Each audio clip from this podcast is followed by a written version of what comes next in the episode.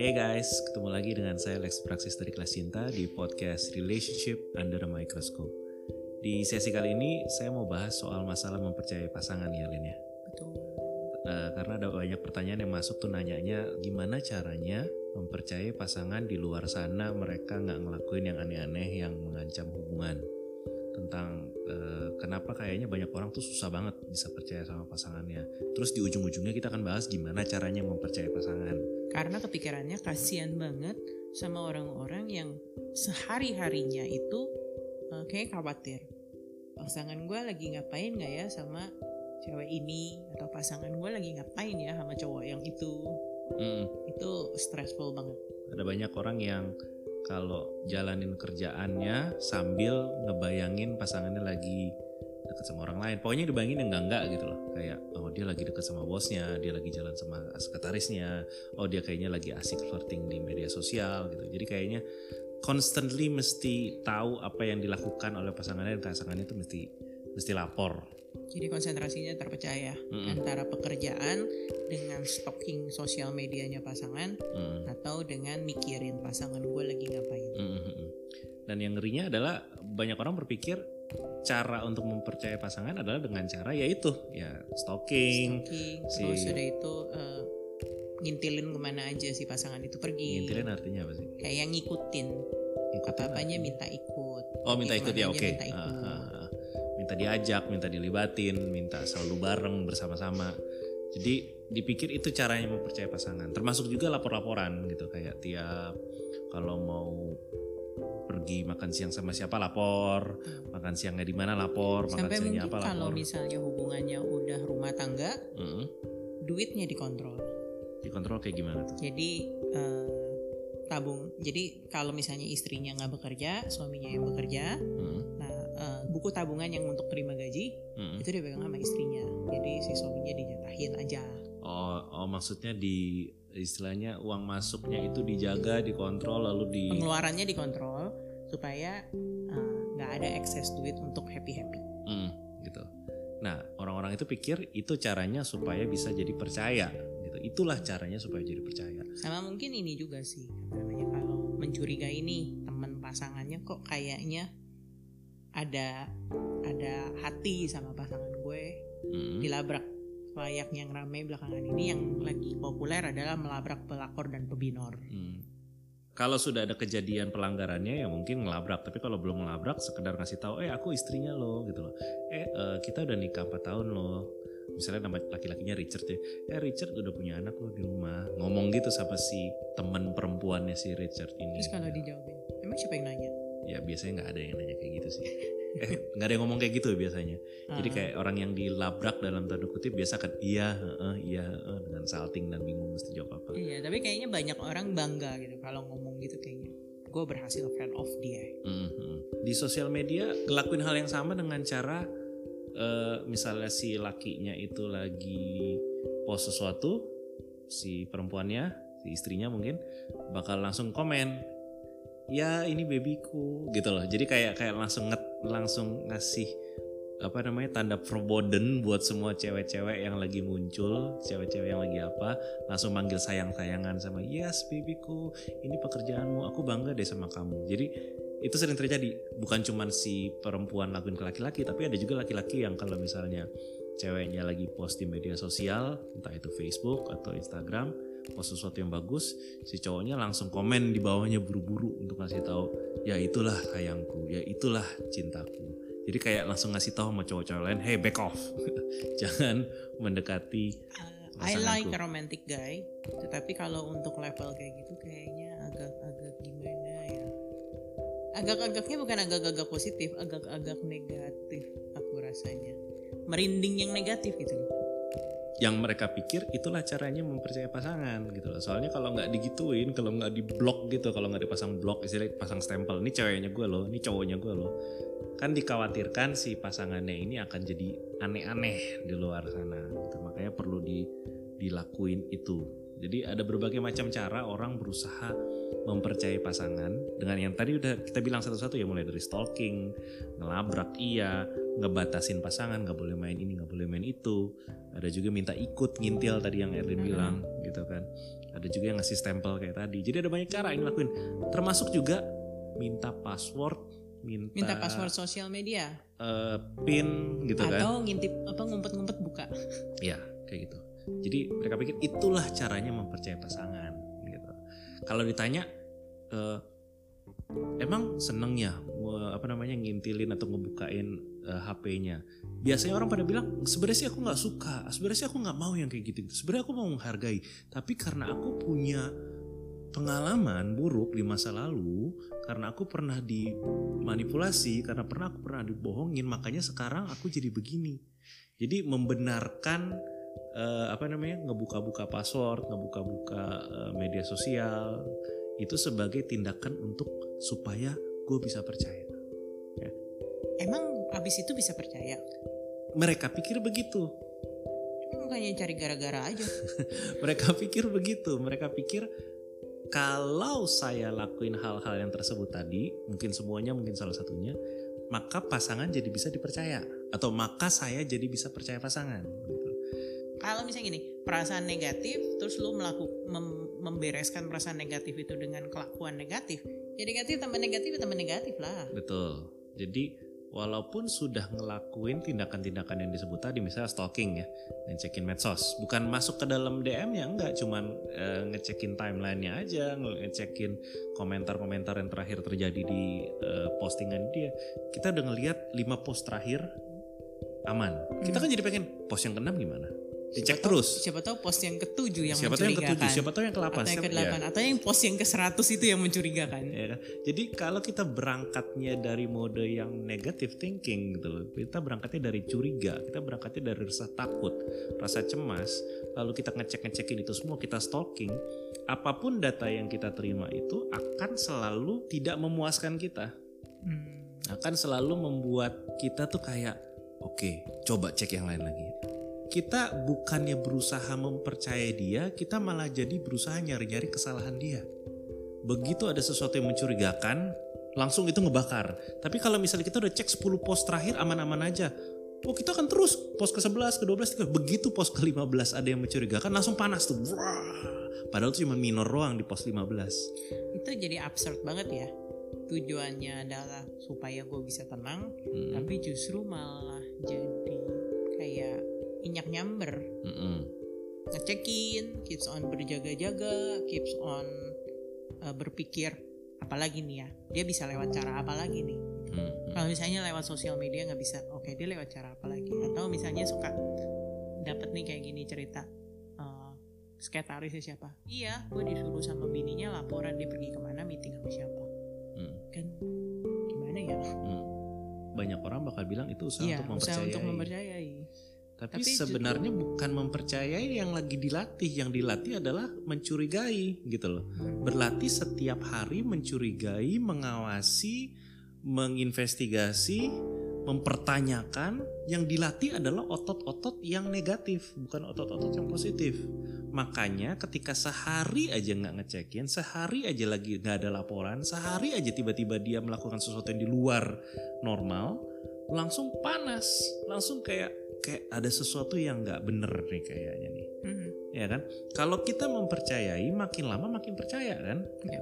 Nah, tapi kalau kita terus menerus ngecekin, investigasi, stalking segala macam kan makin hari kita makin was was Betul. gitu. Kalau kita udah curiga, nih kita kita bawaannya udah curiga aja. Walaupun walaupun dia sebenarnya baik, walaupun sebenarnya dia nggak menutupi sesuatu, tapi kita selalu ada dalam hati kita kayak sebenarnya dia nutupin, sebenarnya gini. Oh, itu berarti bakal jadi kayak vicious cycle juga ya. gitu. betul. Semakin kita mengawasi, semakin kita berusaha mengawasi 24/7, Mm, maka kita akan kita akan bawanya jadi curigaan. Pas sudah curigaan, kita jadi orangnya pahit kan, mm, mm, bitter banget. mm. Pasangan justru zaman jadi ilfil sama kita. Kalau pasangan ngerasa kayaknya diawasin mulu kan, Jadi ya. gerah. kan gerah. Ketika orang gerah biasanya jadi emosi. Hmm. Ketika orang diawasin terus juga jadi salting kadang-kadang Iya. gitu. Jadi ngelakuin kesalahan karena diawasin, dipelototin mulu. Nah, ketika dia ngelakuin kesalahan, jadi kita ngerasa tuh kan betul kan, gitu loh. Kita jadi kita jadi membuat pasangan kita tergelincir bukan maksudnya dia jadi berselingkuh enggak.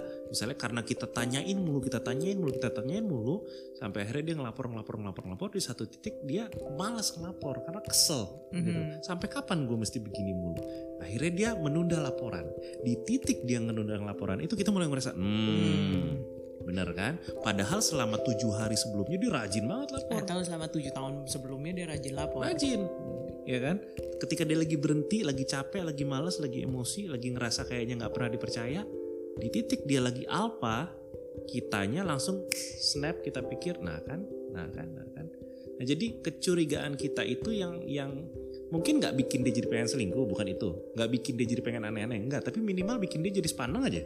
Hmm. jadi sepaneng jadi males jadi kayak kayak gue salah apa sih selama ini? Gitu loh. Sampai gue diperlakukan serendah ini tidak dipercayai sejauh ini. Nah ini laki-laki yang baik pun suatu saat akan bisa jadi Nggak cuma laki Snap sih gitu sebenarnya loh. cewek juga nggak ada yang mau digituin. ya ya kan? Jadi orang yang baik ada batasnya. Sekarang kita mundur dulu nih sebelum kita kasih tahu gimana jadi caranya mempercayai pasangan supaya nggak aneh-aneh ya kan? Kita bahas dulu kenapa sih seseorang itu jadi punya habit ya atau punya kecurigaan bahwa pasangan tuh mau aneh-aneh kalau di kelas cinta kita bahasnya kita susah percaya sama orang karena kita juga nggak percaya sama diri kita kalau saya percaya saya orang keren orang hebat Mhm. saya percaya 100% seperti itu Mhm. saya akan mudah percaya pasangan saya deket sama siapa pun Mhm. karena yang rugi bakalan dia seandainya dia main-main. Atau Orang gue orang yang paling keren di usia ini, di lingkungan ini, di bidang pekerjaan ini, gue adalah top notch. Atau orang paling keren yang bisa dia dapetin. Ya itu juga bisa. Pokoknya ngerasa diri itu top, Mhm. diri itu punya kualitas yang tinggi yang diinginkan oleh banyak orang. Hmm. Jadi kalau percaya sama diri sendiri, kita jadi nggak khawatir pasangan kita ngapa-ngapain. Orang kalau misalnya dia ngapa-ngapain ya rugi dia, Betul. gitu loh. Ini maksudnya kalau nggak percaya diri, ya susah percaya orang. Karena kita akan selalu ngerasa diri kita terancam. Kita ngerasa kayaknya, kayaknya dia pengen bohongin gue deh. Kayaknya dia pengen ngerugiin gue deh. Orang yang pede itu ngelihat segala sesuatu tuh lebih positif. Kalau misalnya ada cowok dateng, ya pikirannya adalah ya dia suka gue. Bukannya kayaknya dia pengen ngapa-ngapain gue deh. Ini sekali ya, GR sekali. Bukan GR, Parno. Ya Parno. Lebih ke Parno gitu loh. Orang yang pede, orang yang tahu dirinya punya kekuatan tuh nggak akan takut disamperin sama orang. Nah sekarang kita bicara dalam konteks pacaran, berpasangan atau ber- berumah tangga. Kalau si lakinya, sekarang kita ganti, dari tadi Mhm. kan kayaknya perempuannya. Si lakinya ini memang punya pekerjaan yang baik, Mhm. ya kan gitu. And then juga dia eh, disukai oleh banyak orang. Di dunia pekerjaannya atau di pergaulannya kagum sama nih cowok Mhm. gitu kan. And then istrinya yang juga bekerja, kerjanya misalnya di dunia showbiz sebagai penyanyi misalnya gitu kan atau model. Kalau lakinya seperti yang tadi saya yakin nggak akan panik, nggak akan parno, nggak akan kayak nih cewek gue kayaknya gatel di luar enggak. Kenapa? Karena cowoknya itu secure sama dirinya sendiri. Ya dia bisa dapetin cewek lain. Kalau ada apa-apa kalau cewek. ada apa-apa. Ada apa-apa cewek. Dia bisa dapetin cewek lain. Ya, bukan berarti dengan mudah dia akan meninggalkan istrinya, bukan. Tapi dia tahu kalau terjadi apa-apa, gue tetap hidup.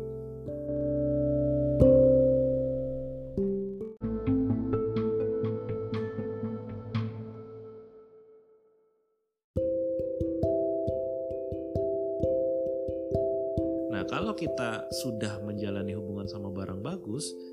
otomatis makin lama akan makin banyak menyayangi dia gitu loh. Karena eh, biasanya barang bagus kalau kamunya juga bagus juga ya, barang bagus ketemu sama barang bagus biasanya jadi double bagus ya, jadi jadi berlipat ganda bagusnya.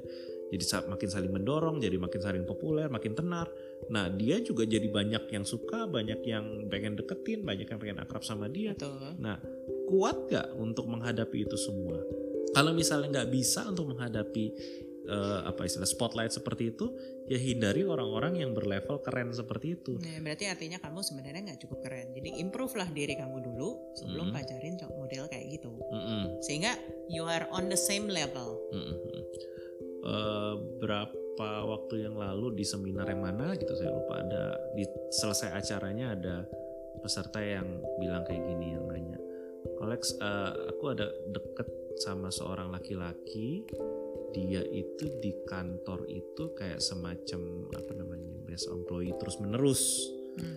dan dia juga masih kuliah gitu yeah. kan iya. jadi dia kerja dan sambil masih kuliah juga dari kampusnya dia itu kayak semacam senior uh, teladan yang disukai oleh banyak dosen sering dapat uh, tugas untuk jadi asdos dan segala macam gitu loh nah aku dekat sama dia aku suka sama dia. Kayaknya dia juga suka sama aku gitu kan. Terus hmm. gimana caranya supaya aku bisa dapetin dia? Pertanyaannya gitu kan si perempuan ini nanya. Terus saya bilang kalau cuma cara dapetin doang sih gampang. Cuma cara dapetin doang gampang. Ada di Lovably di formula dibahas. Kalau mau yang step by step yang lebih realnya lagi ada di Lovably di studio. Itu hmm. seminar satu hari. Nah biasanya sih dapet. Assuming si cowoknya juga memang suka seperti yang kamu pikir gitu kan saya yang jadi problem berikutnya adalah kalau udah dapet kamu akan berhadapan dengan puluhan kalau tidak ratusan perempuan-perempuan kampus ya, hmm. dan juga di kantornya si laki-laki ini yang mengagumi dia gitu. kuat gak kuat gak untuk melihat dia tiap hari lagi ngomong sama fansnya itu kalau kamu tidak ada di level yang seperti dia juga artinya artinya kalau dia artis kamu juga harus artis dong harusnya yeah. gitu loh ya kalau dia artis kamu merakyat jelata kamu akan kewalahan dan kamu akan susah untuk mempercayai diri dia walaupun sebenarnya dia sepenuh hati sama kamu. Walaupun dia jaga janjinya jaga komitmennya dia banting tulang untuk menyenangkan dan mempedulikan kamu.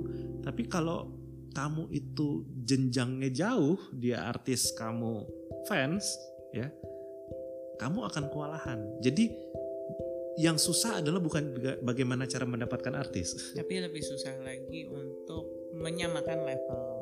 Kalau levelnya beda jauh, yeah. gitu. Ini yang dimaksud sama Erlin tadi soal masalah uh, mesti tahu diri juga. Kan sekarang zaman sekarang kalau kita bicara di perempuan lagi kan banyak tuh uh, ciwi-ciwi yang pengen cowok-cowok keren yang K-pop K-pop gitu pengen dapat yang opa-opa gitu anggaplah ada ya kita berandai-andai anggaplah ada cowok Korea ada opa yang pindah ke sini yang dia kerja sebagai siapa di sini ya kan terus dia suka sama kamu anggaplah begitu gitu ya. Yeah. terus dia mau pacaran sama kamu yang kamu rakyat jelata gitu kan. Eh bangga dong. Bangganya pasti bangga tapi abis itu kamu bisa tenang nggak jalanin relationshipnya? Biasanya sih enggak biasanya enggak apalagi kalau kamu pakai cara yang tadi yang stalking yang membatasi dia melarang dia ini itu minta dilibatkan segala macam. Kamu istilahnya ngintilin dia terus minta ditenteng kayak tas gemblok gitu loh akibatnya kamu akan memberatkan hidup dia dan dia jadi marah. Jadi marah jadi kesel. Kamu dibuang. tinggalin deh. Gitu. Mungkin nggak ditinggalin di, diselingkuhin dulu. Awalnya dia nggak pengen selingkuh. Awalnya dia nggak pengen main-main tapi karena dia capek dia gerah. Karena kamu tuh panas bukan hangat. Dibalik juga sama. Laki-laki gitu kan yang zaman sekarang kan eh, yang wota-wota itu ya. Wota-wota. Pengen dapet cewek yang lucu gitu. Yang ter, yang yang yang apa namanya? Yang pinter yang cute yang punya talent gitu. Nah saya kan mau kasih tahu juga kalau situ itu cuman laki-laki biasa yang pekerjaannya biasa dapat cewek yang cakep dan pinter dan seksi dan di, diinginkan oleh banyak orang kuat gak gitu untuk menjalani hubungan sama cewek yang sehebat itu. Mm-hmm. gitu loh. Ya jadi kalau cewek idamannya kamu tuh ada di level 10 ya pastiin kamu 9 atau 10 bukannya kamu 5 ntar nggak jadi nggak pede sendiri. Gitu ya kan? Jadi ini masalah mempercayai nih. Jadi kalau sekarang kita balik deh. Kita nggak soal masalah artis sama rakyat jelata. Kita bicara soal masalah uh, kepintaran sekarang jenjang kepintaran hmm. ya kan? Misalnya si perempuannya pinter banget. Pinter banget gitu loh. Bukan pinter cari duit tuh deh. Pinter soal masalah apa ya tentang keuangan bisa ngurus rumah bisa masak bisa nyanyi bisa dansa bisa gitu kan. Bahkan ngebedah orang juga bisa misalnya gitu kan. Tapi si lakinya cuman bisa main game misalnya. Mm-hmm. sama kerja. Mm-hmm. dari segi penghasilan anggap sama ya jadi nggak ada perbedaan itu tapi perempuan itu bisa banyak lakinya cuma bisa main game sama kerja doang. Nah ini pun akan susah nih untuk mempercayai si perempuannya. Kan perempuannya tadi banyak skill kan, pasti temannya di mana-mana dong. Mhm. Ya kan pulang kerja pengen main ke sini. Eh, Ntar weekend pengen pergi sama teman yang itu. Ntar pada hari Sabtu pagi Sabtu sore udah lain lagi temen yang mana-mana. Jadi karena perempuannya banyak bisa, ya bukan artis loh, sama-sama level gitu loh. Mereka levelnya sama, penghasilannya sama, tapi yang satu tuh pintar banget, yang satu lagi agak-agak dong gitu. nggak dong kali Ya, mungkin nggak dong.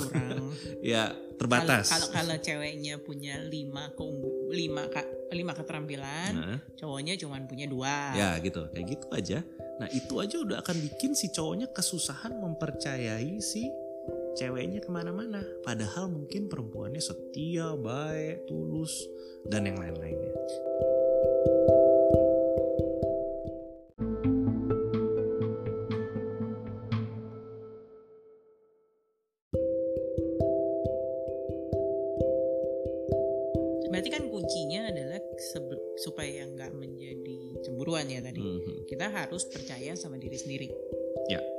Gimana caranya untuk meningkatkan percaya kepada diri sendiri saya dari dulu diajarin percaya diri itu timbul kalau lu punya prestasi Hmm, Oke. jadi lu harus nimbun prestasi tuh Hmm, percaya diri lu kayak misalnya kalau rate-nya misalnya ada skala nih hmm, 1 sampai 10 gitu kan.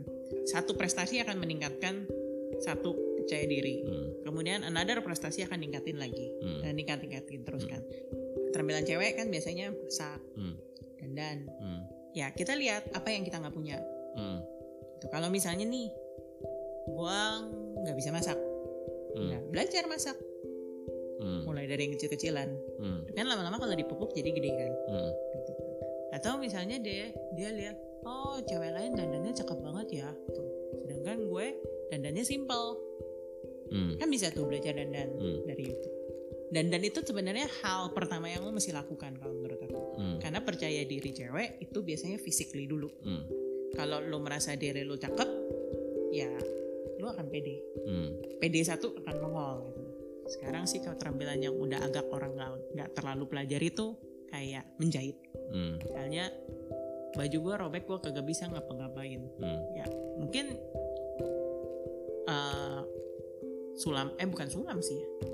Nisik-nisik dikit bisa lah. gitu. Hmm. Tapi kan maksudnya kalau di ditekunin ya lama-lama bisa aja hmm, kayak gitu. Jadi satu prestasi ditumpuk dengan another prestasi. hmm. Kalau saya kasih tambahan, prestasi is okay, it's a good thing. Cuman make sure prestasi itu sesuatu yang bisa dilihat orang lain dan dinikmati orang lain. Jadi kalau misalnya contoh tadi menyulam gitu kan, itu bagus, menelisik, menyulam, menjahit gitu itu Hmm. bagus. Tapi kalau itu dipakai buat diri sendiri, yang tahu kita berharga cuman kita. Nggak ada orang lain yang ngingetin. Nggak ada pembuktiannya, nggak ada pertunjukannya. Oh ya ya ya. Ya kan gitu loh. Cuman kita sendiri yang tahu. Kadang-kadang perlu orang bilang, oh lu hebat ya. ah, ngingetin itu aja kita. meningkatkan percaya Eh, diri. ngebantuin kita. Memang yang kalau soal PD sih emang harus kita percaya sama diri kita sendiri, nggak perlu orang lain. Betul, setuju. Tapi kadang-kadang kita lupa kan. Contoh nih, bisa masak. Kalau bisa masak, jangan cuma masak buat diri sendiri, jangan cuma masak buat pasangan. Masaklah buat orang lain, bawa kayak ke kantor, Mhm. kasih kayak ke orang, nggak usah sampai dijual gitu loh. Karena nggak nggak segampang itu untuk jualan makanan. Tapi minimal masak kasih, masak kasih, masak pamerin di Instagram, bikin resep. Mhm. Nah, jadi kayak eh, dirinya diasah, keterampilan ditambah, tapi libatkan orang lain di sana. Entah ditunjukin, dikasih, diajarkan ke orang lain. Kalau misalnya tadi makeup, Mhm. ya kan? Ya kalau orang pakai makeup langsung kelihatan sih, biasanya Iya. sih langsung kelihatan gitu loh. Jadi orang Lu bisa sendi- kita sendiri lihat, Uh-uh. pada saat keluar orang lain juga lihat. Nah, tapi jangan stop sampai sana juga. Sekarang lagi zamannya media sosial ya bikin aja channel YouTube atau Instagram story yang mengajarkan makeup ini, makeup itu. Libatkan orang lain dalam keterampilan biar kita diingatkan sama orang lain bahwa kita bisa, kita berharga, kita hebat, kita punya skills. Mhm. Ya jadi itu caranya untuk ningkatin kepercayaan diri, ningkatin kualitas tadi. Hmm. Nah, kualitas itu nggak semua orang tahu mau mulai dari mana. Mhm. Ya kan kayak gue bisanya apa, gue cocoknya apa. Saran saya coba aja semuanya. Gitu Oh iya. semua yang menarik perhatian kayak kan kita gini nih kalau kita lagi ngeliat orang bisa kan misalnya dia bisa nyanyi kita kan jadi kayaknya pengen nyanyi deh gitu kan Oh iya iya iya benar. terus ada- Kan sekarang juga banyak orang yang suka mamerin keterampilan dia ya di Ah. Instagram. Mm, mm, mm. Itu kita bisa eh, kayaknya lucu juga nih gua kalau bisa bikin ini. Nah, ya, jadi ketika kita mulai kita ngomong sama diri sendiri gitu, entah kita ngomong sama diri sendiri dalam kepala atau kita ngomongin sama temen, itu bagus deh. Nah, ketika kita lagi memuji sesuatu, menginginkan sesuatu kan berarti layak dicoba, gitu. Dites dulu, cari kursusnya. Kalau males bayar, ya cari aja di YouTube, coba-coba dulu kan gratis itu semuanya. Mhm. Ketika kita bicara untuk ningkatin diri, itu banyak hal yang bisa dicoba dan itu nggak selalu melulu ada hubungannya cari uang. Memang kalau kita ningkatin diri dalam pengertian eh, belajar eh, apa namanya istilahnya ya, cari uang lebih banyak gitu loh atau berbisnis lebih banyak. lah. It takes time nggak akan langsung minggu depan dapat atau bulan depan dapat. Tapi ya memang harus dicoba. Ikut seminar, ikut training, ikut apa, baca buku.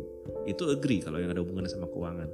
Tapi nggak melulu tentang keuangan gitu. Tapi kan sekarang banyak tuh short course. Eh, mesti mungkin bukan short course kali ya. Kayak apa sih yang kayak lagi tuh aku ikutin eh, bikin terrarium. Ya apa tuh terrarium? Mungkin eh, pada nggak tahu terrarium. Oh, bikin apa. itu tanaman terrarium. Jadi yang tanaman kaktus yang kecil-kecil itu, tanaman sukulen itu disusun, Mm-mm. disusun di dalam pot prisma atau pos eh, pot bentuknya kayak piramid yang Hmm. kaca semua sehingga Hmm. bagus. Itu tuh nggak nggak nggak butuh waktu seharian, Mm. itu cuman hitungan 2-3 jam. Mm. Kan banyak tuh sekarang Hmm. course-course yang kayak gitu kan. Mm. Nah, ketika kita coba-coba kayak gitu, kita menemukan yang namanya apa istilahnya? Kebanggaan. Eh bisa gue bikin gini, gitu loh. Mm-mm. Ketika kita ikut course, kita datang seminar, kita join sebuah komunitas, misalnya eh, saya ada teman yang barusan saya lihat di instastory saya, apa sih itu namanya? Eh, apa namanya? Itu kayak apa sih itu namanya? Susah juga jelasinnya. Dia kayak semacam tarian, tapi pakai pakai tali yang dia naik naik ke atas pakai tali itu Yoga air. Yoga air ya nggak tahu apa namanya. Pokoknya gitulah. Dia eh, dia kayak pita dari atas ke bawah. Aha. terus dia ya bergulung-gulung aja naik ke atas dia puter-puter pakai tali itu. Itulah namanya saya nggak tahu apa tuh namanya. Nah itu lagi di di instastory saya lagi banyak tuh cewek-cewek lagi main itu. Ya. Nah itu keren nggak harus jago karena eh, cewek-cewek yang saya lihat di instastory saya juga nggak jago-jago amat gitu kan. Tapi tetap aja elegan tetap aja keren kelihatannya Terus sekarang juga ada course yang lagi populer nih di kalangan cewek-cewek itu bikin sabun organik, Hmm, bikin kastil soap atau sabun batangan yang organik. Itu kan bagus tuh sekarang. Hmm. Ada apa dibikin warna-warni segala macam. Terus ada lagi juga yang model oh bikin tas kulit hmm, gitu. Cara bikin apa pun yang pakai kulit itu. Terus eh, bikin terrarium. hmm. Banyak kok sebenarnya. Dan Bahkan ing- sampai eh, belajar kaligrafi pun ada.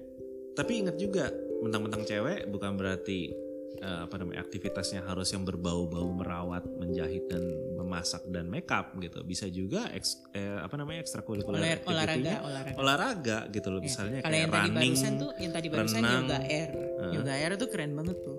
ya kan. Terus eh, bela diri. Jadi kayak so many things that you can do to fill your life with activities. Nah, Kalau cowok contohnya apa? ya macam-macam sih. Apa pun termasuk olahraga. Biasa cowok sih larinya ke olahraga ya. biasanya kalau olahraga. Atau main game game online itu juga masih nggak apa-apa lah. Yang penting ada prestasinya. Mhm. misalnya situ mau jadi gamer ya nggak apa-apa. Tapi ada ada prestasinya nggak? Atau cuma ngabisin waktu doang? Mhm. gitu cuma ketawa ketiwi nggak ada duitnya hilang tapi nggak nggak dapat apa-apa dari sana. Nggak diakuin oleh siapa pun bukan juara lomba apa pun. Ya. Jadi banyak yang bisa dilakuin untuk meningkatin kualitas diri Nah, kenapa ini penting? Kenapa ningkatin kualitas diri penting? Tadi sudah dibahas di depan, karena semakin kita merasa diri kita berkualitas, ada nilainya, ada potensinya, semakin kita percaya sama diri. Betul. Semakin kita percaya diri, semakin kita juga bisa percaya pasangan Oke. ya kan? Nah, ini nyambungnya di sini lagi nih. Kalau kita sibuk sama dunia kita, Mhm. sibuk sama activity, sibuk sama uh, passion, sama minat, sama hal-hal yang kita sukain, kita nggak punya waktu untuk mengkhawatirkan pasangan. Kalau kita lagi sibuk, kita nggak punya waktu. Kita kayak aduh gitu kan kan kan lebih enak ngelakuin hal-hal yang menyenangkan daripada mem- daripada memusingkan pasangan lagi gini pasangan lagi gitu Ini bikin drama di kepala sendiri. ya kan kan lebih enak itu Co- contohnya gini lebih enak mana Eh, nonton bioskop atau mengkhawatirkan pasangan lagi deket sama mantannya lagi. Kalau kita lagi asik sama komunitas misalnya komunitas buku baca buku komunitas diskusi apalah terserah pasti kita akan lebih condong melakukan hal-hal yang positif daripada hal-hal yang negatif itu pasti begitu tuh kalau kita ada kegiatan Jadi kalau misalnya kita percaya diri sendiri, perksnya adalah eh, yang satu sebenarnya yang rugi pasangan kalau dia ngapa-ngapain. Mm-mm. Terus yang kedua kita sendiri juga happy Mm-mm. karena kita jadi nggak nggak musingin, nggak punya waktu untuk musingin pasangan gue lagi sama siapa ya. Mm-mm. gitu atau eh, berusaha merekonstruksi kejadian-kejadian negatif trauma-trauma di masa lalu sering gitu tuh yang yang ngelakuin kesalahan yang melukai mantan tapi pasangan sekarang yang di yang dicurigain Itu mungkin orang tua suka bilang gini gitu, kurang kerjaan, cari gara-gara. ya kenapa cari gara-gara karena nggak ada kegiatan Mm-mm. gitu loh karena nggak ada minat karena tidak ada potensi yang lagi diasah tadi itu. Karena ngerasa dirinya hampa. Ya.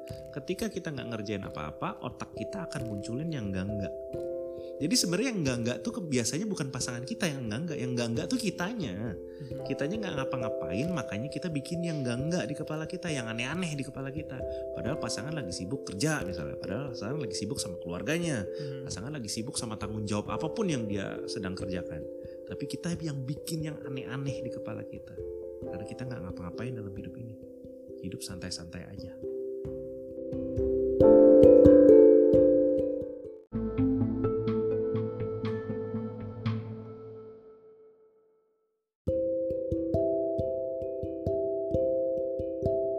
Nah itu kan apa yang kita lakukan supaya kita bisa mempercayai pasangan Hmm. ya. Kita harus meningkatkan kualitas kitanya supaya kita nggak uring-uringan kita nggak cemas kita nggak negatif. Apalagi yang bisa kita lakukan supaya bisa mempercayai pasangan satu kita bisa minta pasangan invest sama hubungan ini. Ya kalau pasangannya nggak ngapa-ngapain ya pasangannya itu cuma jalanin hubungan gitu-gitu aja Mhm. dia nggak berinvest apa pun nggak ada hal yang bisa kita pegang sebagai bukti itu dia kan lagi ngelakuin. Gitu. Jadi sebenarnya kita berhak kok untuk minta sama pasangan eh, mungkin kata katanya bukan ngelapor ya, untuk ya kabarin kayak gitu Mhm. loh. Kabarin per eh, jam 12 misalnya kalau lagi makan siang kabarin, kalau misalnya pulang telat kabarin. Itu masih masuk akal. Mhm. It's it, it makes sense gitu loh kalau kita minta dikabarin, minta dikasih tahu. Terus pas lagi pulang kantor misalnya kita yang sudah menikah tinggal bareng minta diceritain what's going on in your day gitu kan Oh, minta iya, iya. minta dicurhatin apa yang terjadi di kantor, stres apa yang ada di kantor. Jadi ketika kita minta pasangan berinvestasi, investasi itu maksudnya berusaha cerita, ngebuka diri, ngelakuin ini, ngelakuin itu, termasuk juga kalau udah di rumah misalnya bantuin aku ngerjain X dong, misalnya eh, nyuci piring kek, atau ngelipet baju kek, atau bersih bersih ini dan itu. Jadi kita minta pasangan invest. Kalau kita minta pasangan invest dan pasangan ngelakuin, Mhm. kan jadi tambah nih Tapi dengan catatan itu eh, request investnya harus yang masuk akal ya. Of course. Kan kadang-kadang ada yang bilangin eh, suka banyak kan yang maunya di chat sepanjang hari. Hmm. Begitu chatnya nggak dijawab agak lama udah mulai deh curigaan. Iya, harus harus yang masuk akal lah gitu. Yang tadi saya contohin kan semuanya masuk akal. Mhm. Yang nggak masuk akal tuh ya ya sepa- ngobrol sepanjang hari apa Terus kalau kalau gua ngechat dalam waktu satu detik lo harus bay- harus reply chat gua. kayak gitu ya kan gitu atau atau apalagi ya contoh request yang sering kali muncul yang nggak masuk akal. Misalnya kalau weekend harus sama aku nggak boleh sama orang lain, nah itu nggak masuk akal tuh. Gitu. Jadi sebenarnya nggak banyak sih permintaan-permintaan nggak masuk akal tuh nggak banyak. Cuman modelnya gitu-gitu aja biasanya. Hmm. Gitu. Modelnya nuntut maksa eh, nggak boleh ditawar. Mhm. Nah, minta pasangan buat invest ke hubungan itu, itu wajib dilakuin. Kita nggak bisa berharap pasangan yang ngerti sendiri mau kita apa. Jadi harus ngomong. Harus bilang kalau misalnya aku ngerasa kayaknya eh, pengen ngobrol sama kamu, belakangan ini kita nggak banyak ngobrol, ya bilang dong. Hmm, Bilang, bilang ngobrolnya kapan, di mana, jam berapa. Bilang sama dia. Ketika dia lakuin, ya ketika dilakuin dijamin deh pasti akan nambah kayak iya nih dia dengerin apa yang aku minta. Iya nih dia peduliin sama apa yang kemarin aku ucapin sama dia.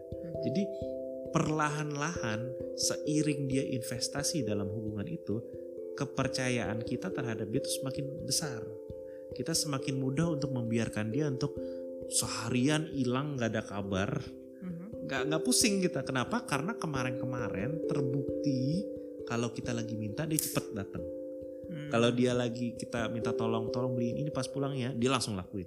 Nggak ada keraguan sama sekali nggak ada nunda-nunda nggak ada alasan. Gitu. Jadi permintaan itu wajib ada request itu wajib ada. Dengan ta- catatan yang tadi dibilang masuk akal tidak berlebihan tidak memaksakan. Gitu.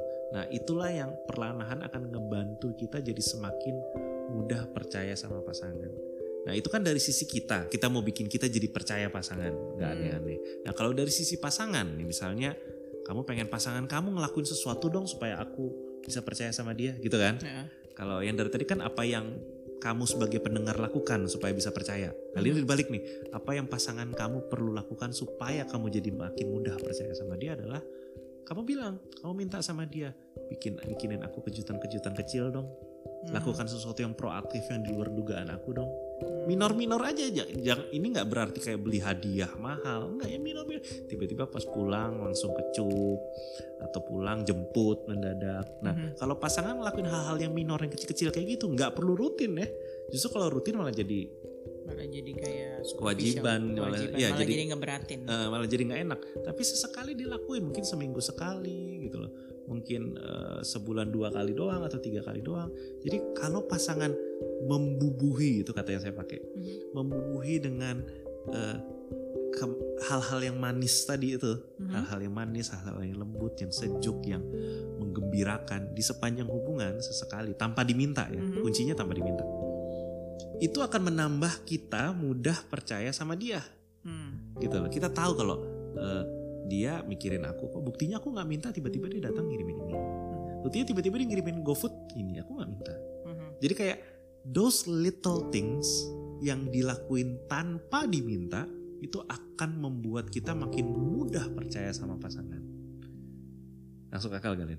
masuk akal Ya, jadi ada banyak hal yang bisa lakuin. Yang pertama tadi kan ningkatin kualitas. Mhm. Semakin kita berkualitas, semakin kita tahu kita berharga, makin mudah kita percaya orang. Dua, apalagi kita bisa minta. Mhm. Minta pasangan ngelakuin X, Y, Z, A, B, C ini yang saya bilang tadi investasi.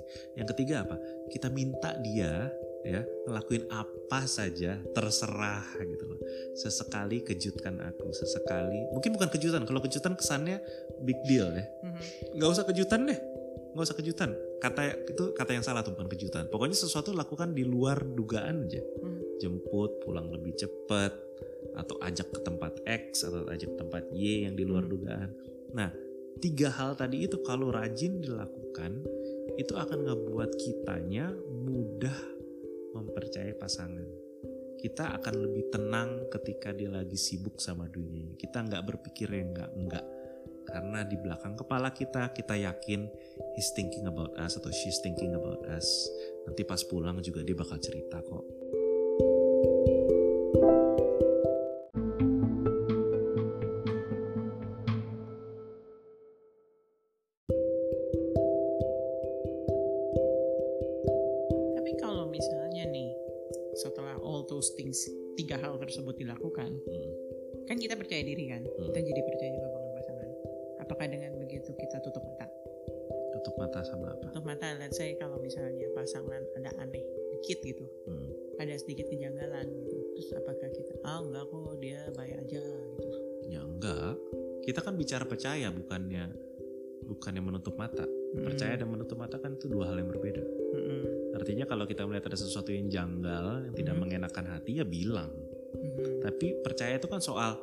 kita nggak ngelihat ada apa-apa Mhm. itu percaya ya sudah Hmm. tapi kalau ketika kita lihat ada kejanggalan yang tidak mengenakan ya itu perlu segera diangkat disebut dibilang diajak ngobrol ya sebaiknya jangan lewat chatting gitu kan ya di eh, kalau dia dia ditegur itu nggak peduli atau nggak mau menjawab tidak mau menjelaskan ya marah Hmm.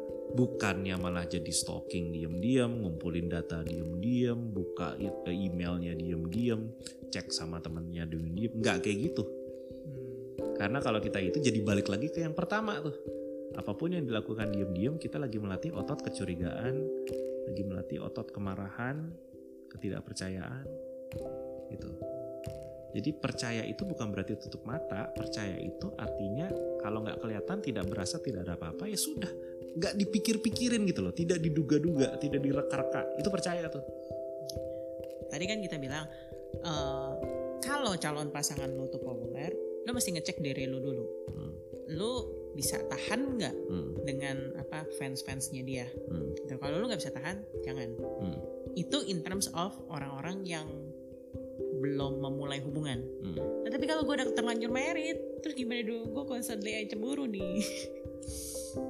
gue cemburu aja nih, gitu kan. Udah terlanjur merit, Udah terlanjur sama orang married yang sama gapnya orang tinggi yang lagi. gapnya tinggi. Oke. Atau terus itu orang populer lagi kan. Hmm. Terus gimana dong? Gue juga nggak mau jadi jahat kan, gitu loh. Gue juga nggak mau jadi curigaan, gitu loh. Tapi gue nggak bisa tahan cemburu gue. Walaupun misalnya uh, trying to do those apa improving diri sendiri supaya bisa percaya diri. Tapi kan tuh tetap butuh waktu kan. Hmm, Nggak suddenly per- bisa jadi percaya kan. hmm. Gitu. Itu tuh gimana tuh jadinya? Kalau gitu jawaban paling pendeknya adalah konsultasi. Mm-mm. Jawaban paling pendeknya konsultasi gitu.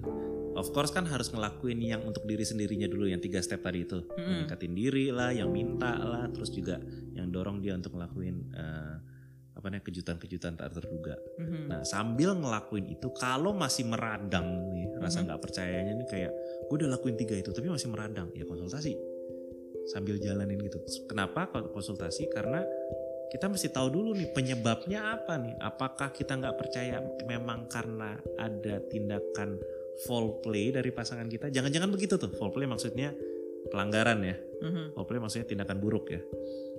Karena kadang-kadang memang kita nggak percaya karena tingkah pasangan yang menyebalkan Mhm. yang alpa nggak pernah ngabarin, yang cuek, yang dingin, yang kalau ditanya nggak mau jawab. Mhm. Jadi masuk akal dong kalau di situ nggak percaya. Mhm. Masuk akal tuh banyak kejadian kayak gitu.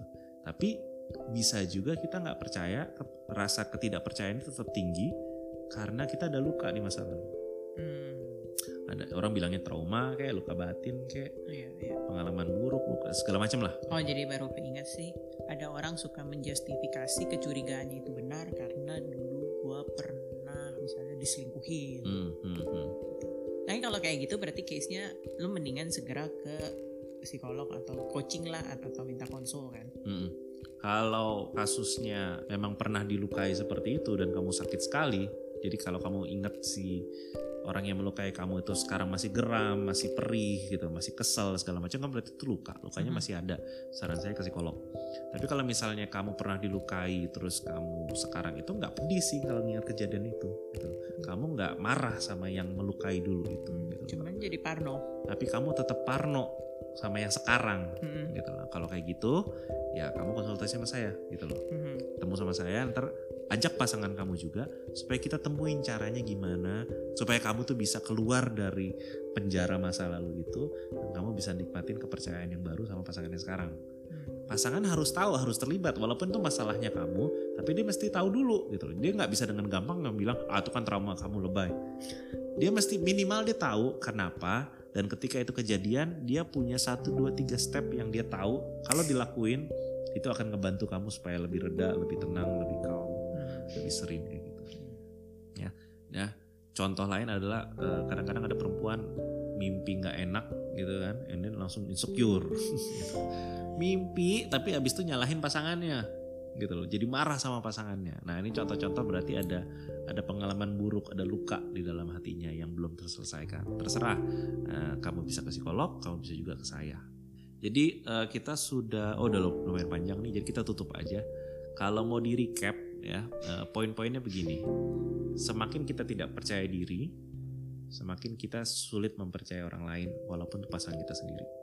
Ya, dan kalau kita udah nggak percaya sama kualitas kita, nilai kita, eh, keberhargaan Keberhargaan kita, ketika pasangan berbuat baik sama kita pun, kita akan mencurigai. Ini ada Hmm. maunya gitu. Ah ini cuma di awal doang gitu. Ah dia ngelakuin gini sama semua orang Hmm. itu akarnya di kita tuh, bukan di dia. Mhm. Memang kadang-kadang ada ada sikap-sikap dari pasangan yang bikin kita nggak percaya. Tapi sering kali ketidakpercayaan kita muncul dari ketidakpercayaan akan Diri sendiri. diri sendiri, Tidak akan keberhargaan kita. diri sendiri. Itu akarnya. Jadi harus dari situ dulu yang disembuhkan. Harus dari situ dulu yang diperbaikin. Orang yang minder biasanya akan dikelilingi sama orang-orang yang bermasalah. Ini sebabnya kalau kamu belum beresin keminderannya kamu, ketidakpercayaan dirinya kamu, kamu kemungkinan besar akan memilih orang-orang yang salah juga. Hmm. Karena like attracts like gitu loh. Orang-orang yang negatif akan dikelilingi orang-orang negatif juga. Mhm. That's why kalau kamu saat ini susah percayaan sama orang Mhm. gitu kan ya. Kamu minder, kamu insecure, beresin itu dulu deh gitu loh. Hmm. Jangan cari pacar dulu, jangan cari pasangan apalagi merit, jangan. Karena kalau kamu lagi kondisinya gitu, kamu pasti akan pilih orang yang salah. Pasti deh. Pasti banget. Dan kamu pikir orang itu yang nyakitin kamu. Padahal enggak, emang pada dasarnya kamu pilih orang yang salah. Berarti dua poin. Kalau lu mau percaya sama orang, Mm-mm, kita harus bisa percaya sama diri sendiri. mm-mm, Kita harus percaya sama keberhargaan diri sendiri. mm. Terus yang kedua, kalau misalnya ada trauma atau Hmm. sakit hati masa lalu yang terkait dengan kepercayaan, Hmm. sembuhin itu dulu. Mm. Jangan buru-buru eh, minta dipacarin, minta dinikahin, minta di- disayangin sama orang, dicintai sama orang. jangan Gak bisa. haus belayan. Ya, nggak bakal bisa. Kamu akan sengsara jalanin sama dia karena kamu akan ketakutan dia bakal ngelukain kamu, dia bakal ninggalin kamu, dia bakal bohongin kamu. Itu ya. Jadi itu pelajaran hari ini di podcast yang kali ini. Ini panjang, lumayan panjang. Rencananya tadi cuma setengah jam. But it's okay. I hope you guys jadi dapetin ada banyak insight baru ataupun penjelasan-penjelasan yang yang sebelumnya pernah saya bahas di Instastory dan sekarang jadi lebih jelas lagi dan bisa dipraktekin. Terutama tentang poin yang nomor 2 dan 3 tadi tuh. Poin yang nomor 2 adalah minta ya, minta pasangan untuk invest dan yang ketiga dorong dia juga untuk lakuin hal-hal kecil di bumbu-bumbu di dalam hubungan kalian yang kamu nggak minta, yang kamu tidak expect. Kalau misalnya nih, ini kan case-nya adalah kita minta pasangan melakukan sesuatu untuk kita. Hmm. Kalau dibalik kita melakukan suatu kejutan untuk pasangan, Hmm. apakah itu bisa meningkatkan rasa percaya kita ke pasangan? Ngelihat respon dia yang happy banget atau apa? Enggak sih, enggak sih biasanya. Nggak bisa dibalik. Nggak bisa dibalik. Kan tujuannya kita mau percaya sama dia, Mm-mm. ya kan? Terus kita balik, kita yang yang yang melakukan kejutan buat dia. Apakah itu akan membuat kita jadi lebih percaya sama dia? Enggak. Enggak sih. Kalau kita pengen kita bisa percaya sama dia, ya kitanya minta dia ngelakuin sesuatu Mhm. dan kita dorong dia untuk ngelakuin hal-hal minor-minor bumbu-bumbu di sana sini supaya kita jadi teringatkan bahwa dia sebenarnya lagi mikirin kita di hari-harinya dia di tengah-tengah kesibukannya dia. Oke, so sampai situ dulu eh, podcast kali ini. Thank you udah mendengarkan. Kalau kalian ada pertanyaan, bisa kirim lewat Instagramnya saya. Paling cepat sebenarnya hubungin saya lewat Instagram. Saya juga bisa dikontak di Facebook atau di Twitter. Jadi di itu adalah tiga media sosial saya yang paling aktif. Tapi yang paling cepat dibalas biasanya adanya di Instagram. Thank you for listening. Sampai jumpa di podcast yang berikutnya. Love better and live better ya. Bye bye. Dadah. you